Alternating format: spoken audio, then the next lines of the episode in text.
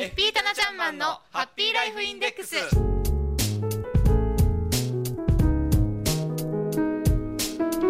FP タナちゃんマンのハッピーライフインデックス。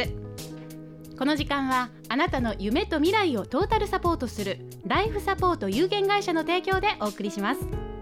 私たちと一緒に明るい未来幸せな生活になるためのマネーライフを考えてみませんか？番組の中ではあなたからの疑問質問を受け付けています。ぜひ番組中でも OK ですからね。送ってください。宛先はメールアドレス fm768 アットマーク p-wave.ne.jp fm768 アットマーク p-wave.ne.jp です。さあそれでは早速一級ファイナンシャルプランニング技能士そしてライフサポート有限会社代表のタナちゃんマンを呼んでみましょう。あなたもご一緒に。せーの。タナち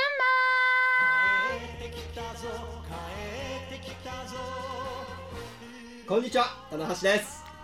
帰ってきたタナちゃんマンはい。で、お久しぶりです。す、イエーイ。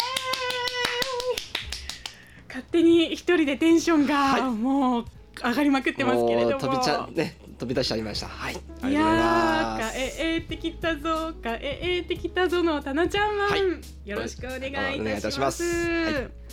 いいやー本当に嬉しい気持ちでいっぱいで、なんかね心にも春が来た感じなんですけれども。ありがとうございます。三ヶ月ぶりの登場で。本当ですよね、はい。でもあの3か月ぶりっていう感じがなんかこう今日お会いして全然しなくて。あそうですか。はい、はい。す。ごい嬉しいです。もうちょっとね、ゆっくり休もうかなと思ってたんですけれども。いやいやいや何をおっしゃいまはい、すやら、あの皆さんご評ご好評いただいてたっていうことでね、あのリクエストいただきましたので、ちょっとあーまだ自分の中ではこう整理ができないところもあったんですけれどもね、はい、頑張ってやってまいりました。はい、はい。ありがとうござはいいます、まあちょっとしばらくの間はね、あのー以前昨年まではね毎週木曜日、毎週週1回という形でね、はい。ごあの放送させてもらってたんですけれども、えーちょっとリハビリということでしばらくは月1回の第2木曜だけの放送ということですけれども、はい。頑張ってやってまいりたいと思いますので、はい。よろしくお願いいたします。よろしくお願いします。さあではこの春からね、はいこのポートウェーブをひょっとして聞き始めたとか、四日市に来たっていう方もいらっしゃると思いますし、はい前のあのハッピーライフインデックス、はい聞いたことがないという方、そうですね花ちゃんマン、はい初めましての方もいると思うので、ね。はい。まずは自己紹介を。はい、ちょっと自己紹介をさせていただきます。えー FP タナちゃんマンこと棚橋と申します。えーね、FP ってね、あの聞き慣れない言葉かもしれません。あのまだご存じない方はいらっしゃるかもわかりませんけれどもね、えーファイナンシャルプランナーと言いまして、えー最近よく話題になっております生命保険の見直しだとか資産運用のアドバイザーをさせていただいております。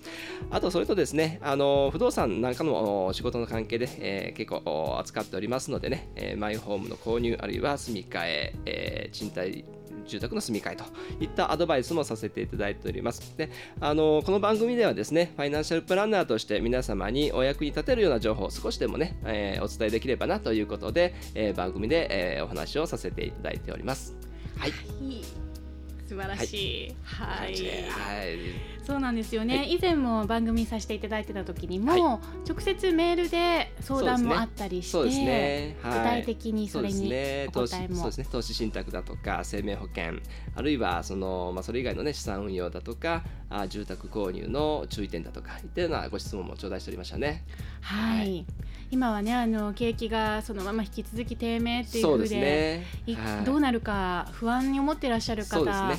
い。その自分のねライフ設計をどういうふうに組み立てていけばいいかっていうことを、こう模索するよりも前段階の方そうですね多いと思うんですよねはい、ですのでね、あの春ということでねあの新生活を始められた方それから、えーまあ、準備をしていらっしゃる方いらっしゃると思いますけれどもね、はいやはり、あの今、えーどうこうっていうのももちろん大事なんですけれども将来にわたってですねどういった生活を送りたいのかどういった人生設計を営んでいきたいのかということをねあの視点に置きながらあライフプランニングをしていくっていうことがすごく重要だと思いますのでね、あはい。の資産運用についても同じだと思うんですよね。今、えー当然お金があればね、えーそれに越したことはないんですけれども、えー今あるおお金をね、えー全部はたいてゼロにして、えーしまうかあるいは、うん。あーうまくいけばそれこそね100倍200倍に膨れるんだけれどもそれに目見てゼロにしてしまうよりも、えー、将来の、ね、人生設計に即したような形で資産運用を行って、えー、長い目で見たね豊かな生活を送っていくことがすごく大事だと思いますので特にこの、えー、低迷した時期ですのでねそういったことをよく念頭に置きながらですね、はい、えー、ライフプランニング考えていただければなというふうに思いますね。はい、はい。今日のオープニングでもね、はい、あのー、最初にコールで言いましたけれども、はい、明るい未来や幸せな生活になるためのマネーライフですからね。ね。はい。あまり目先のことだけにとらわれるのはよくないですよね。ね。はい、だから資産運用。よくね、えー、最近資産運用を始めたいんですとか、えー、やってるんですけどうまくいかないんですっていうご相談をよく受けるんですけれども、はい、どちらどちらかというとその目先のね、あのー、まあ、博打的に言えばあ勝った負けたといったような形のですね資産をやっている方が非常に多いんですよね。すぐに利益を得たい、ね、ということですよね。ねえー、そうではなくて、えー、じゃあその資産運用どういう目的でするのか、えー、将来どういう生活を送りたいために、えー、どういう資産運用を行うのがベストなのかというところをね、えー、選択をしながらあやっていくということが本来のライフプランニングの上の資産運用ですからそういったお話をね、はい、えー、もっともっと広げていければなというふうに思いますね。はい、はい、もちろんあのライフサポート有限会社生和町にありますから、はい、そこでも相談は随時受け付けて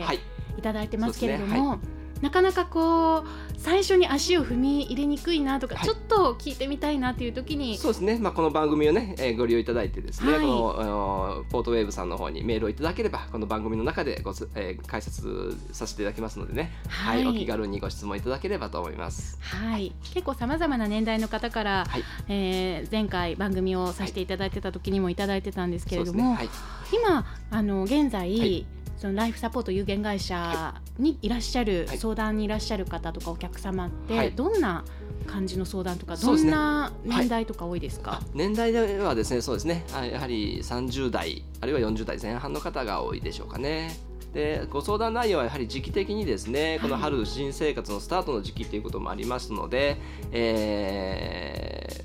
ーまあ、あの住み替えの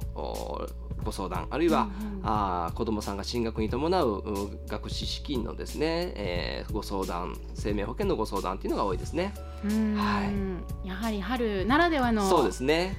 内容になっている感じがしますよね。はい、はい、ではまたねこの番組の中でそういったお話を、毎月毎月一つずつこう掘り下げて、はい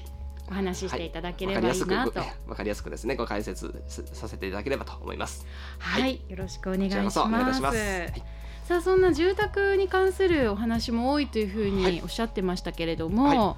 い、えー、近々何かこうタナちゃんマンがね登場されるイベントもあるというふうにも聞いておりますが、はい、ねはい、この4月の25日の土曜日なんですけれども、はい、はい、坂武雄建築研究所というと設計事務所さんとですね、えー、コラボレーションをさせていただきまして、はい、えー、セミナーを開かさせていただきます。セミナーということは講演のような感じなんでしょうか。そうですね。はい、勉強会ですね。はい。内容的には、はい、えー、住まいの勉強会っていう題しましてですね、えー、第2回目なんですけれども4月25日10時からの予定になっております。ちょっと場所の方がですねまだ未定なんですが、はい、はい、あのー、内容がですね、えー、私が担当させていただきますのが我が家のライフプランっていう題目で、えー、ライフプランニングと住宅ローンを絡めた形で解説をさせていただきたいというふうに思っております。はい、場所の方また決まりました。らライフサポート有限会社のホームページからも、はい、はい、私の方でもあの告知をさせていただきますし、はい、えー、坂武雄建築研究所というところですね。あの検索していただければこちらの方で詳しく載っておりますのでねご覧いただければと思います。はい、はい、坂武雄建築研究所の、はい、えー、主催する住まいの勉強会ということです。ね。はい。4月の25日土曜日の午前10時スタートで、場所はまた決まり次第、えー、坂武雄建築研究所かもしくは、えー、ライフサポートの、はい、はい、ホームページで、はい、ご覧いただけ発表させていただくということになります。はい、はい、ぜひこちらはあのお気軽に参加できる感じでしょうかね。ねはい、あの無料で参加していただくことができますのでね。はい。いろいろなあの教育資金や住宅資金のお話、老後資金のお話なんかもしていただけるのかなと。そうですね。そういうのを絡めて、あの住宅ローンを中心にあのそういった準備も必要なんですよというねお話をさせていただければと思っております。はい、わ、かりました。ぜひご参加ください。はい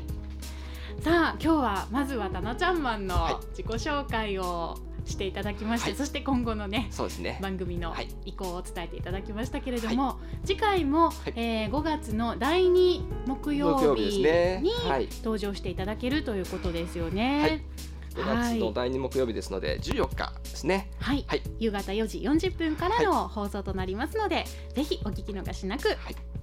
さあそしてライフサポート有限会社のホームページこちらもチェックしてみてくださいね、えー今後随時この番組の内容、えー過去の放送分もホームページではい。アップしていかれる、ねはい。ということですかそうら、はい。検索エンジンで「たなちゃんマン」と検索してください。はい。えーちゃんだけひらがなであとはカタカナで検索していただくと出てきます、はい。FP タナちゃんマンのハッピーライフインデックスこの時間はあなたの夢と未来をトータルサポートするライフサポート有限会社の提供でお送りしました。タナちゃんマン今日はありがとうございました。どうもありがとうございました。また来月はいお願いします、こちらこそよろしくお願いします。それでは、えー5月の14日、夕方4時10分にお会いしましょう、はい失礼します